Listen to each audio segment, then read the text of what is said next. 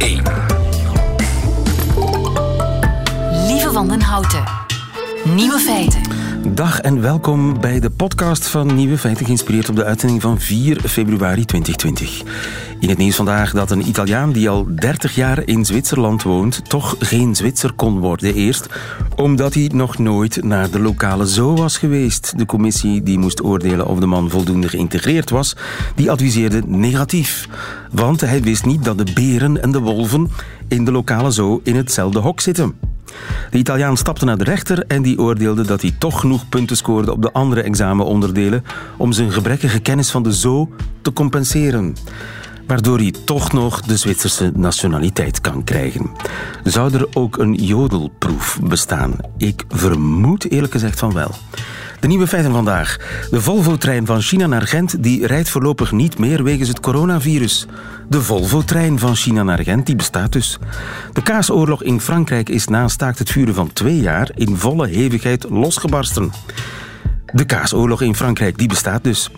En dat het lam gods nog bestaat, is het echte wonder. Na wat het allemaal heeft meegemaakt in zijn 600-jarige bestaan. En we weten eindelijk waarom spechten geen hersenschudding krijgen. De nieuwe feiten van Nico Dijkshoorn hoort u in zijn middagjournaal. Veel plezier. Nieuwe feiten. Ai, de grote kaasoorlog in Frankrijk is toch niet voorbij. La guerre du camembert woedt weer volop nadat een vredesakkoord werd opgeblazen. Frank Renaud, goedemiddag. Goedemiddag. Onze man eh, in Frankrijk. Uh, wie vecht er tegen wie in deze guerre du camembert? Het is bijna niet meer bij te houden, want het speelt al zo lang. Het zijn inderdaad de melk- en kaasproducenten in Normandië. Die, zal maar zeggen, de echte camembert maken. Hè, zoals die ambachtelijk wordt gemaakt met de hand.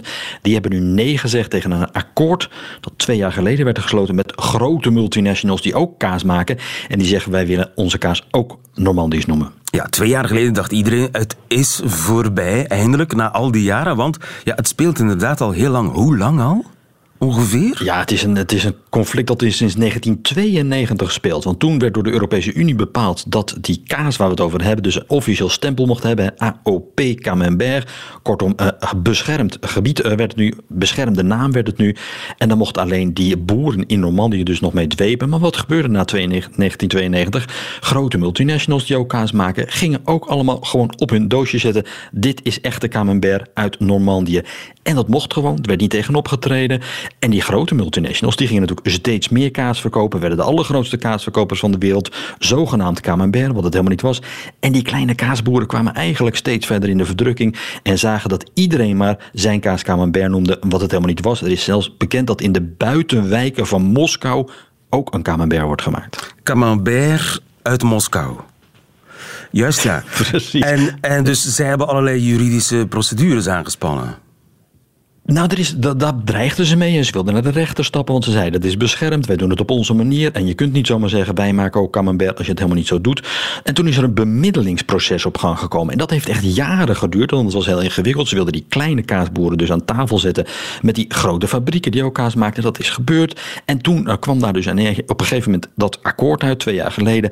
En toen zijn ze het eens geworden over iets, althans de brancheverenigingen, hè, dat er een soort twee labels kwamen. Er kwam één groot label, zou ik maar zeggen, camembert AOP de Normandie. En dat mocht voor iedereen gelden. Ook die industriekaas, gewoon met gepasteuriseerde melk. Hè. Moesten wel aan een paar normen voldoen, maar niet te veel. En dan kwam er een tweede label en dat was Véritable Camembert de Normandie. De echte dus. En dat is echt die rauwmelkse kaas, meestal handgemaakt dus, met een vuistdik dossier aan eisen. Nou, die twee zouden er komen. Nu zijn de boeren geraadpleegd, de melkfabrikanten in de streek. En die hebben gezegd, nee, dat willen we niet. Dus, maar het, het, was natuurlijk ook maar een één veritabele. Het enige verschil zat in dat ene woord.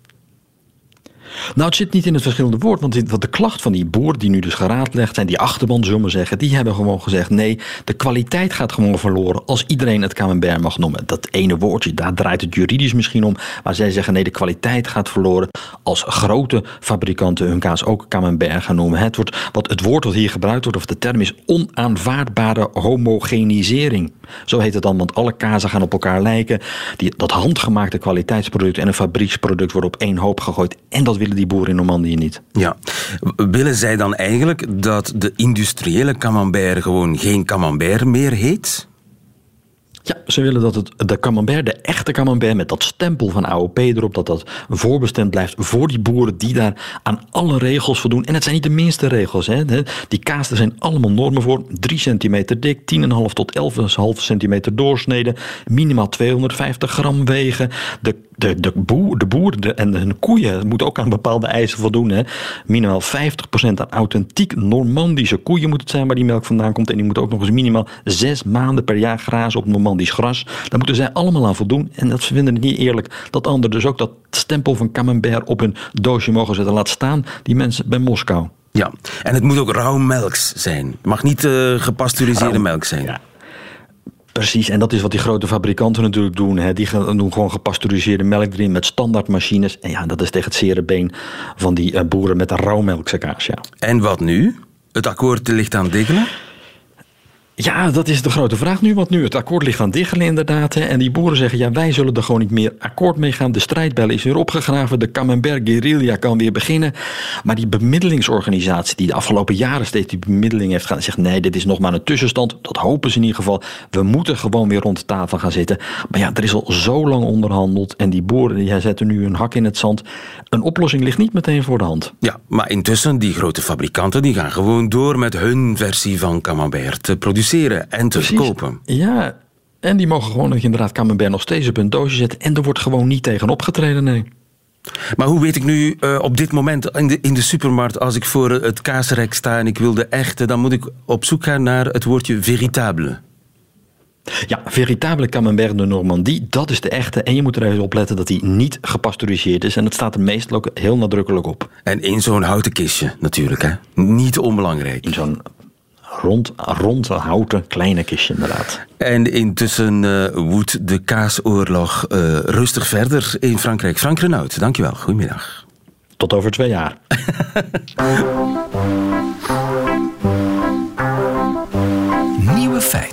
En uh, tot overmaat van feestelijkheid is er nu ook een boek over het lam gods, geschreven door een man die we eerder kennen als anglofiel. Sommigen zeggen zelfs angloseksueel.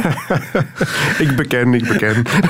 Harry de Pape, goedemiddag en welkom bij uh, Nieuwe Feiten. Jij bent dus kennelijk maar part-time anglofiel, maar ook lamgodskundige. Lamgodskundige is een groot woord hoor. Uh, laat, laat ik zeggen dat het lamgods in mijn leven altijd een beetje aanwezig geweest is. vandaar ja. Altijd een beetje aanwezig geweest in jouw leven, omdat? Ik het vaak al bezocht heb. Ja, dus als ik naar Gent ging, uh, als klein ventje met de ouders het bezoeken, als student is het binnenwandelen gaan bekijken. Dus ik heb het heel vaak bekeken. En het Van Eijkjaar is mhm. begonnen met een hele prestigieuze tentoonstelling in het mhm. Museum voor Schone Kunsten in Gent. Het Lamgod zelf grotendeels terug in de kathedraal.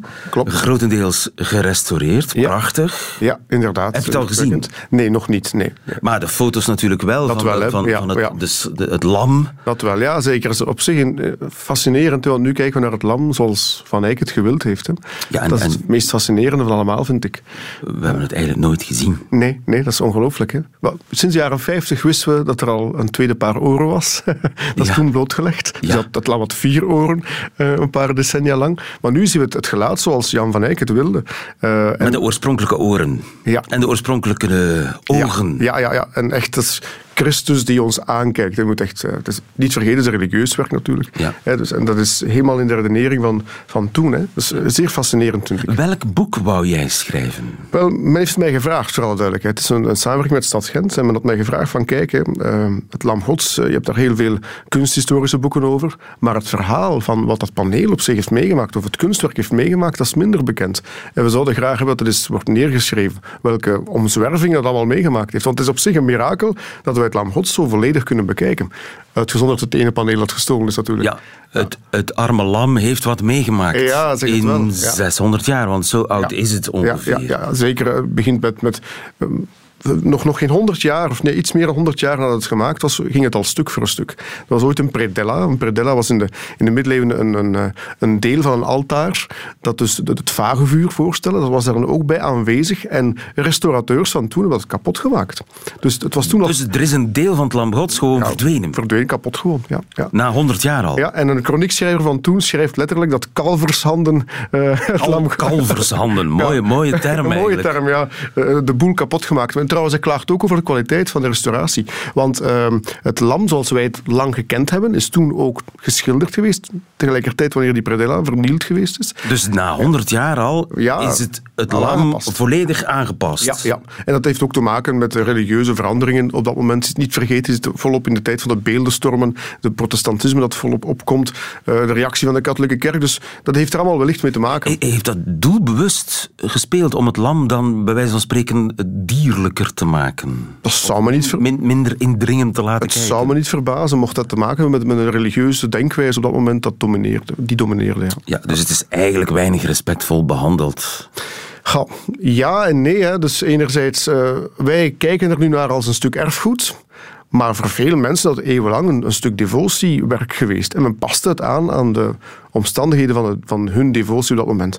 Later, hè, wanneer het Lam Gods dan met de Franse revolutie eh, naar Parijs wordt versleurd, dan wordt het als een kunstwerk gebruikt. Hè. Dan gaat men daar anders tegenover gaan staan. Trouwens, heel interessant, na de Franse revolutie keert het Lam Gods terug eh, naar, naar Gent. En het bisdom zelf verkoopt het voor een groot stuk. Delen van het Lam Gods zijn verkocht geweest door het bisdom zelf eh, aan een Engelse handelaar. En die verkoopt het dan later aan de Pruisen. En zo komt dat in Duitse handen. Delen van het paneel, hè, delen van het, van het Lam Gods. We gaan een stuk van het lam gods verkopen. Dat leek Ja, hen een ja. goed idee. Waarom? Ja, met, met minder in. Begin 19e eeuw was er ook niet zoveel interesse in die oude meesters. Eh, men keek ook een beetje neer op de Vlaamse primitieven in die periode. Het was ook vol, vol op de tijd van het klassicisme, waarbij men vooral opkeek naar de Romeinen en de Romeinse stijl en de Griekse stijl. En dus die middeleeuwen, ja. Die oude brol. Oude brol, letterlijk. En men heeft het deel daarvan verkocht. Eh, Adam en Eva lagen trouwens al een tijdje op zolder, want dat was ook zo'n grappig verhaal. Eh, Jozef II, dat is dan voor de Franse revolutie, keizer Jozef II, die nam dan aanstoot aan het feit dat Adam en Eva er zomaar gewoontjes uitzagen. Dus hij nam geen aanstoot aan het feit dat ze naakt waren, maar hij vond ja, dat dik buikje van Eva en Adam, hij vond dat maar iets vies. En dus heeft men dat weggehaald. En heeft men dat op zolder gelegd. En dat is nog een geluk geweest dat men het dan weggelegd heeft, want dat is ook de redding van die twee panelen geweest, dat ze al die tijd op zolder lagen bij de kathedraal. En, en zijn Adam en Eva ooit overschilderd? Eh, nee, maar wel een nieuwe versie van gemaakt. Dus in de 19e eeuw keren die twee panelen dan, hè, keert Lam Gods deeltelijk eh, terug naar, naar, eh, naar Gent en beseffen we meer en meer de waarde. Dus in de tweede helft van de 19e eeuw beseffen we wel de, wa- de kunstwaarde van het Lam Gods. Dus de, de Ehm, verschillende delen zaten verspreid. Een ja, deel zat ook in. Duitsland, Ja, een deel zat op zolder. Ja, ehm, en men heeft toen gewoon de Adam en Eva een nieuwe versie van gemaakt met berenvellen. Volgens de, laat ik eh, klassiek, klassieke term, de Victoriaanse norm van de late 19e eeuw, dat, die naaktheid. Dus we geven ze een berenvel. Ah ja, dus de naakte Adam en Eva werden eh, aan de kant geschoven, Die werden in eigenlijk... de hoek gezet, in de kast ja. gestopt, zeg maar. Nee, die zaten in Brussel dan. In het Museum van Schone Kunsten van Brussel, om het te complex te maken. Oké. En de, de, ja, geschilderde versie kwam dan in Gent. in Met berenvellen. Met berenvellen, ja. Dat was dan deftiger en Ja, properder. je voelt je dan een klein beetje meer aangekleed als je ernaar staat te kijken. Tenminste, in de. De, de, de Victoriaanse Ja, de redenering van toen. Ja, Dat is ook zo. hè. Het is ook doormidden gezaagd. Delen van het paneel zijn doormidden gezaagd door de Duitsers die dat dan in bezit hadden in de 19e eeuw. Die panelen die in Berlijn waren, om de tentoonstellingsruimte. eh, ja, men had gemerkt, men had een speciale eh, locatie gemaakt waarbij de, de toeschouwer door, door raampjes de voor- en achterzijde kon bekijken in een muur. Dus eigenlijk zeer, zeer Duits, zeer vernuftig bedacht. Ja, ja, ja. Alleen stellen Duitsers vast, ja, maar als je dat zo gaat bekijken, we gaan, willen ze naast elkaar hangen, dat we één geheel zien. Dat is beter dan die raampjes. Maar het probleem is dat we naast elkaar moeten doormidden zagen. En dus we hebben de Duitsers met een nieuwe machine dat minutieus doormidden gezaagd, die, die panelen, en hebben die dan naast elkaar hangen. Dus op zich is dat ook nog eens iets wat het Lam Gods meegemaakt heeft. Het is do- doormidden gezaagd, ja. Eh, dan ja, verschillende kopieën ervan ook. Hè. Je hebt je hebt ook een, een 16e-eeuwse kopie. 17e eeuwse, nee, 16e eeuwse kopie. dat is dan in opdracht van de landvoogd van toen, van Philips II, de bekende man van de, van de, de Geuzentijdperk. Hè. Die heeft een kopie laten maken door Michiel Kokski. die vond dat trouwens ook maar rommel wat Jan van Eyck deed. Die kon het beter, vond hij. Dus heeft een eigenzinnige kopie gemaakt. En in Berlijn, om terug te keren naar het verhaal van daarnet, in Berlijn hingen dus die originele panelen samen met delen van de kopie van Michiel Coxie. Daar kon je de ah, meest complete versie zien in Berlijn. Uh, in eind 19e eeuw. Een complete versie qua thema. Dus de kopie samen met de originele vormden het Vlam Gods in Berlijn. Oké, en die, die kopieën bestaan die nog? Die eh, bestaan nog, ja. ja. Worden die, zijn die ergens te zien of die zitten in, in, in een achterslot? kunstcollecties, hè, kunstcollecties. Je hebt trouwens ook nog een uh, complete kopie uh, uit de 17e eeuw, um, die in het archief zit van het Museum van Schone Kunsten van Antwerpen. En wellicht is hij ooit vervaardigd in opdracht van stad Gent, nee, voor stad Gent, sorry, vanuit de kathedraal uit, om als geschenk aan de stad Gent te geven. Hadden zij hun eigen kopie voor hun eigen kapel, want het stadhuis van Gent had een eigen kapel, om dat daarin op te hangen dan. Ah, ja. en maar die werd dan eh, verkocht in de 19e eeuw alweer, hè, wat was middeleeuwse rommel, hè, dat bekeken we het dan zo. Um, en die wordt ook wel minder waardig beschouwd natuurlijk, als, als de originele. Ja, en dus op een gegeven moment komt het Lam Gods dan weer samen. Ja, en dat is met heel veel feestgedruis, want op zich daar ging ook wel, wel een, eh, een venijnende staart aan. De Duitsers vonden het onterecht dat het paneel terug in Gent kwam. Nu, het tijdsbestek is vlak na de Eerste Wereldoorlog. Een deel van de herstelbetalingen van de Duitsers was ook het Lam Gods teruggeven. Maar de Duitsers zeiden, ons deel, de stukjes die van ons zijn, hebben wij ooit rechtmatig gekocht van een Engelse handelaar. Ah, dus we hebben dat niet gestolen. Maar goed, dat maakte niks uit. Uh, het Lam Gods wordt op die manier terug samengesteld en hangt opnieuw uh, in Gent. En dan wordt het gestolen, een twee panelen gestolen in 1934, kort na de Tweede. Arsène Goedertier. Ja, ik, ik alleen weet waar het Lam Gods is, had hij gezegd op zijn sterfbed. En dan heb je heel die heisa rond de, de twee panelen die verdwenen zijn, Sint-Jan. En dat keert dan terug, Sint-Jan, maar de rechtvaardige rechters zijn tot op heden verdwenen. Zullen we dat ooit vinden, denk je? Uh, ik denk van niet. Ik denk dat het... Staat het, nog? Ik vrees van niet. Maar goed, nogmaals, waarop baseer ik mij? Dit zeg ik nu maar. Ik denk van niet, ik weet het niet. Uh. Ja. Ja. Want ja, dat, eh, de Duitsers gaven het dan terug, maar uh, de nazi's wouden het ook hebben natuurlijk. Tuurlijk, de nazi's waren enorm gefascineerd door het thema. Hè. Dus uh, de nazi's met hun occulte ideeën allemaal, het heilige bloed, het, het zuivere bloed, de heilige graal, wordt allemaal verzinnenbeeld op het lam gods. En dus wilden de nazi's en Heinrich Himmler en ook Adolf Hitler zelf, we wilden het in bezit hebben. Want heel grappig, dat is nu eventjes een zijsprongetje, onder die nazi-leiders, die, ja, die waren voortdurend elkaar aan het bekampen om kunstschatten te roven. En zowel Hitler als Himmler Himmler wilde het Lam Gods. Natuurlijk, Hitler was de grote baas, dus die heeft dat kunnen opeisen. En die wilde, Hitler had een plan om een groot museum te bouwen in zijn geboorteplek, uh, bij zijn geboorteplek Linz. Um, en daar moest het komen? En daar moest een groot museum komen met centraal het Lam Gods.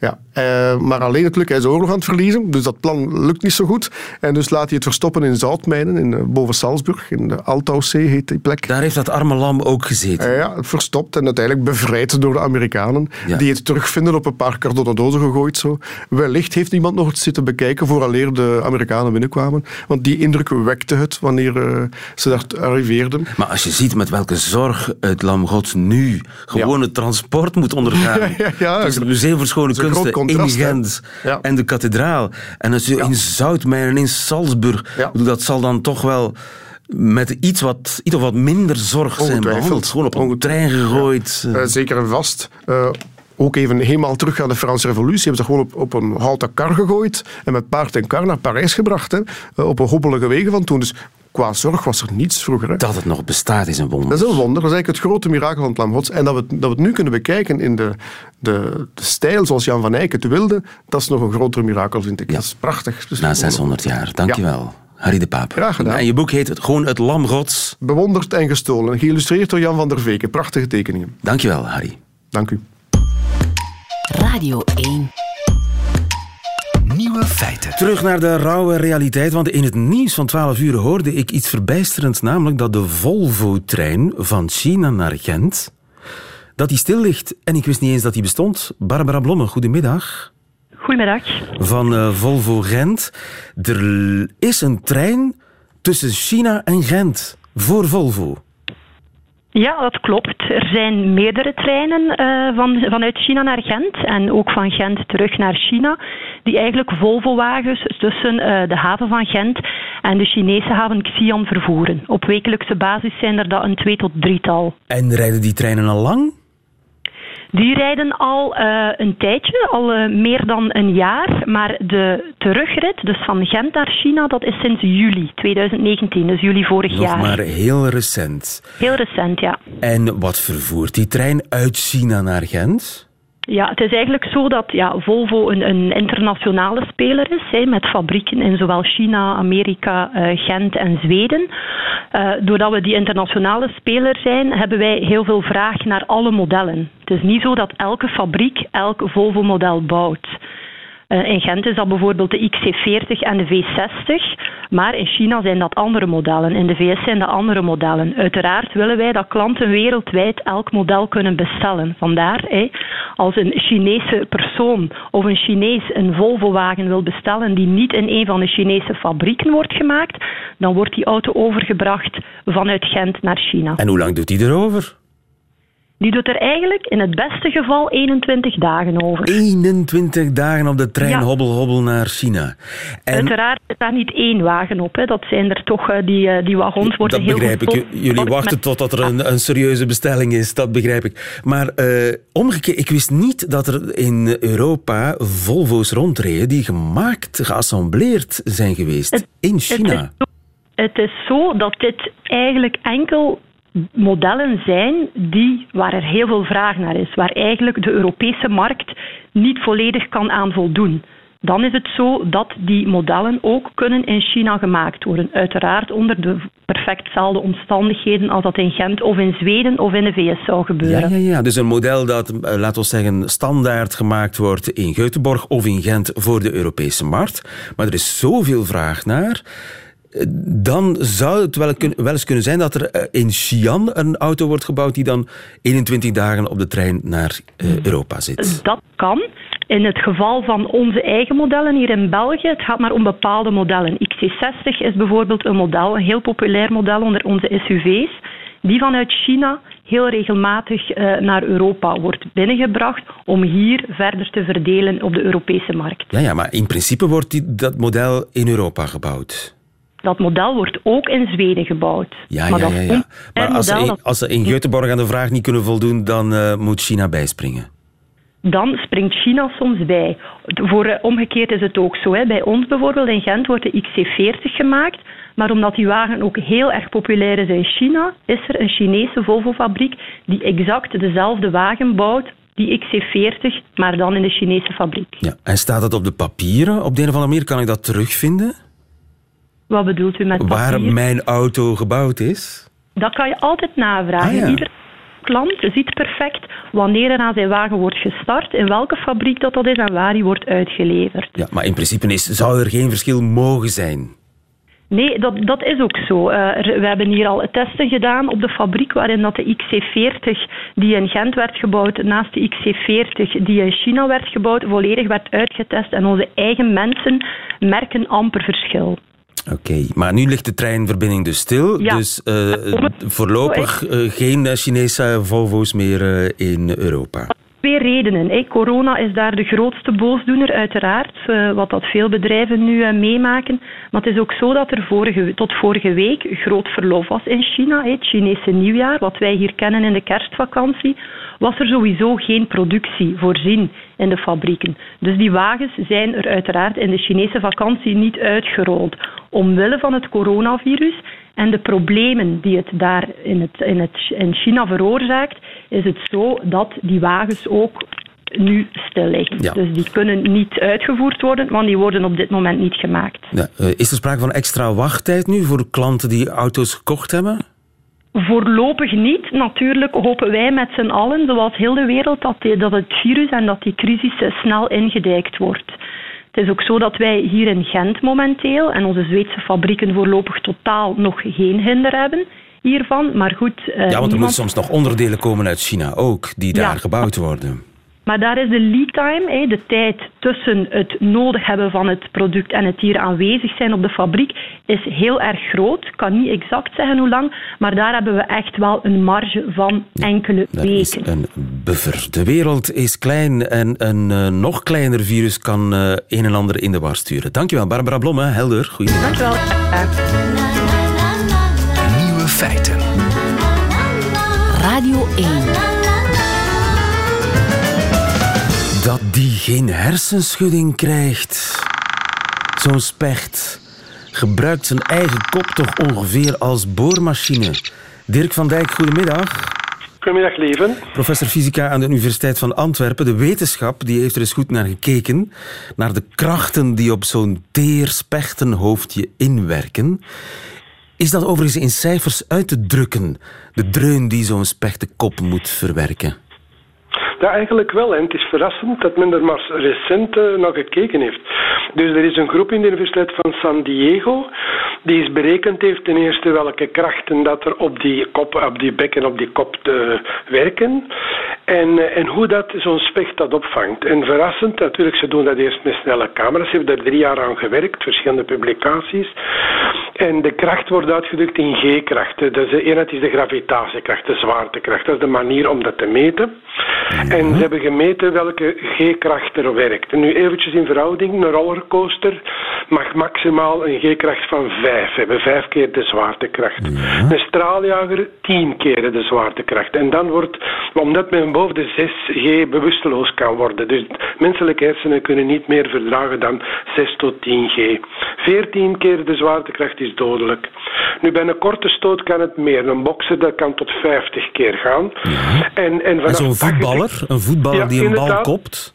Inderdaad, koppen nog niet, maar met de kop tegen elkaar botsen. Of bijvoorbeeld Schumacher bij het skiën. Boven de 80 G is het, uh, laten we zeggen, worden de hersenen beschadigd of is het dodelijk. Dus zo pakt 100 G is zo wat de limiet waar, waarover je niet kan. Nu, die specht die gaat tot 1000 G, 2200 G, dus 10 keer meer dan wat het zwaarste is dat een mens ooit kan verdragen. Ja, en dat gedurende uh, 20 keer per seconde of zoiets? 20, nou dat wil ik nog zitten, 20 keer per seconde. Denk even in dat Mohamed Ali op je hoofd slaagt 10 keer harder dan hij kan en dat 20 keer per seconde. Overleef je ja, niet, dan, dat overleef je niet. Nee. En die, is ja. die spechtenkop van staal? Nee, en dat is het knappe. Hè. Ze zijn beginnen te onderzoeken hoe dat die, die beenderen er zijn en vergeleken met kippen. Hè. Om te zeggen, kippen hebben dat niet nodig in specht. Wel, je weet bijvoorbeeld in vogels zijn de beenderen licht omdat die poreus zijn en lucht bevatten. Hier is het niet. Dat is, die beenderen hebben een heel speciale structuur. Die mineralenbouw is anders dan bij andere dieren. En die, dat is het, het, het, het middenhouden tussen sterk en taai. Dus, dus die beenderen die vangen ook de schokken op. Zo'n beetje, een beetje taai. Ik zal niet zeggen rubberachtig, maar taai, maar tegelijk ook sterk genoeg om te kunnen gaatjes sporen. Dus dat is materiaal dat eigenlijk heel sterk de, de schokken absorbeert. Maar toch buigzaam, sterk en buigzaam tegelijkertijd. Inderdaad, buigzaam en sterk tegelijk. Dus het moet het midden houden tussen het opvangen van de schokken en tegelijk ook het kunnen kloppen van, met, laten we zeggen, een gaatje in een boom. Ja, maar dat is maar toch ook gewoon kalk dan? Uh, ja, ja, uiteraard. Hè. Ja, er zit gewoon kalk in van het bot. Er zitten ook mineralen in. Hè. Uh, dus er zijn verschillende onderdelen in, in materiaal in, in onze eigen beenderen ook. En die, die, de materialen zijn dezelfde, maar de opbouw is anders. De dichtheid is anders, de structuur is anders. Ja. Goed, hè, dus dat is, is anders. Maar er zijn nog andere dingen. Hij heeft ook een heel lange tong die hij nodig heeft om nadien zo'n gaatje daar wormpjes uit te halen, die rolt hij binnen in zijn hoofd op. Als een soort van, van schokkussen. Hè? Een, soort Ah. van, een, ja, een, een soort van airbag intern. Dan, hij doet zijn ogen toe, want anders vliegen zijn ogen uit oogkasten. dus, dat is niet te geloven. Ja. Dat is verstandig, omdat die, die zwaartekracht zo sterk is dat die ogen er zouden uitgerukt worden. De hersenen zelf, dat is ook iets niet mee. Bij ons, de hersenen zitten in vloeistof en het is net dat maakt. Als je bijvoorbeeld een ei zou eh, heel hard schudden, dus een rauw ei, dan gaat de ei erdoor kapot. Maar als je een hardgekookt ei schudt, dan gaat de ei erdoor niet kapot. Dus je ziet hoeveelheid vloeistof er rond, hoe, hoe minder vloeistof. In, wel, het is niet helemaal zo. Er is veel minder vocht in en het is dan waarschijnlijk wat droger. En dat maakt ook dat de hersenen minder gevoelig zijn voor die schokken. Maar toch, men is nu nog aan het kijken naar de hersenen zelf. Zijn dat speciale cellen? Hè? De histologie van de hersenen is die anders dan bij de mens. Daar is men nog niet aan toe. Dus nu zijn nog altijd ingenieurs en fysici die het onderzocht hebben. En dan komen natuurlijk ook de, de, de, meer hersenspecialisten, de, de biotechnologen. En, en zouden we daar nu iets kunnen van leren op de een of andere manier? Kan de specht ons tot voorbeeld uh, strekken? Ja, ja zeker. Men denkt direct aan... In het begin is het alleen serendipiteit. Waarom is het het, het, het, het, curieuze? Het.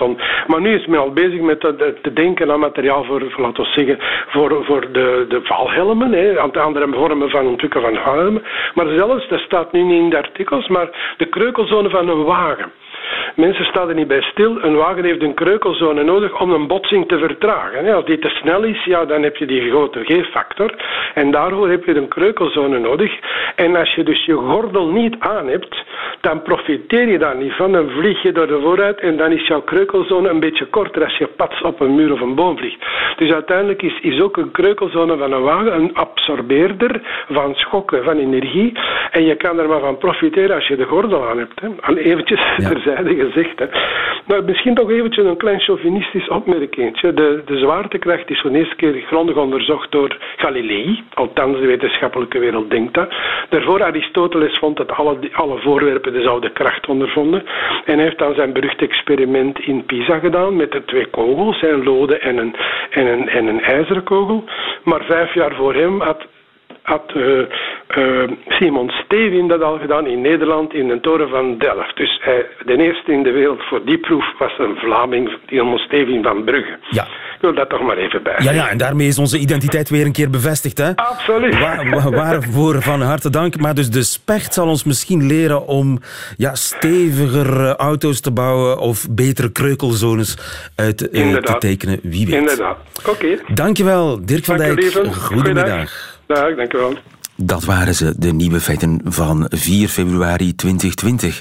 Dit zijn ze van Nico Dijkshoorn in zijn middagjournaal. Nieuwe feiten. Middagjournaal.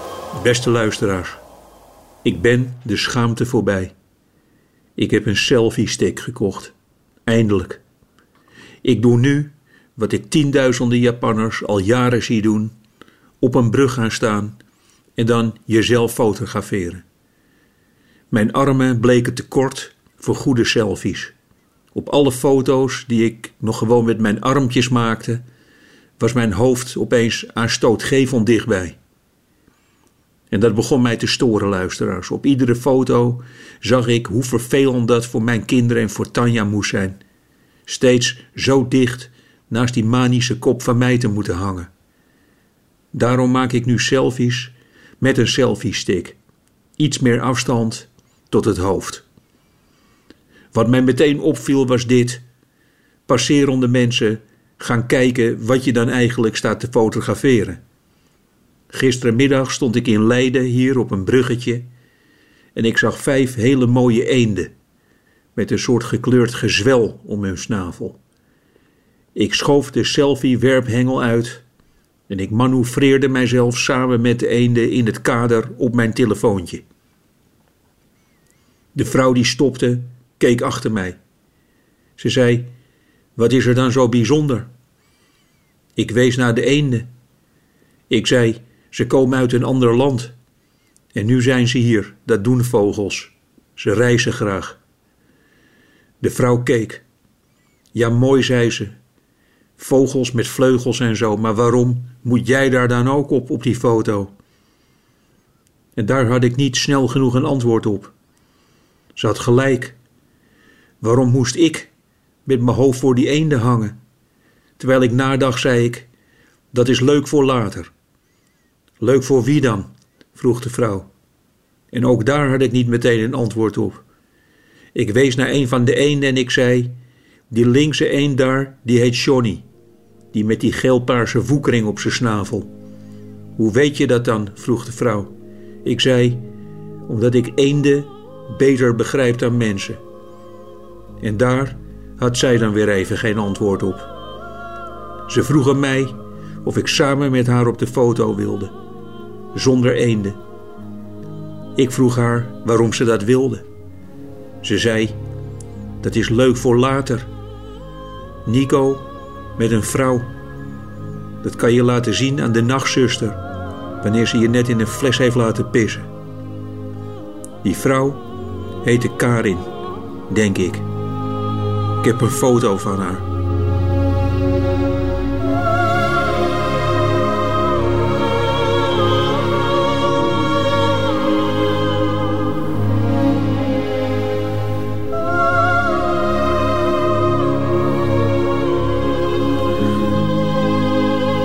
Nico Dijkshoorn, voortaan met selfie-stick.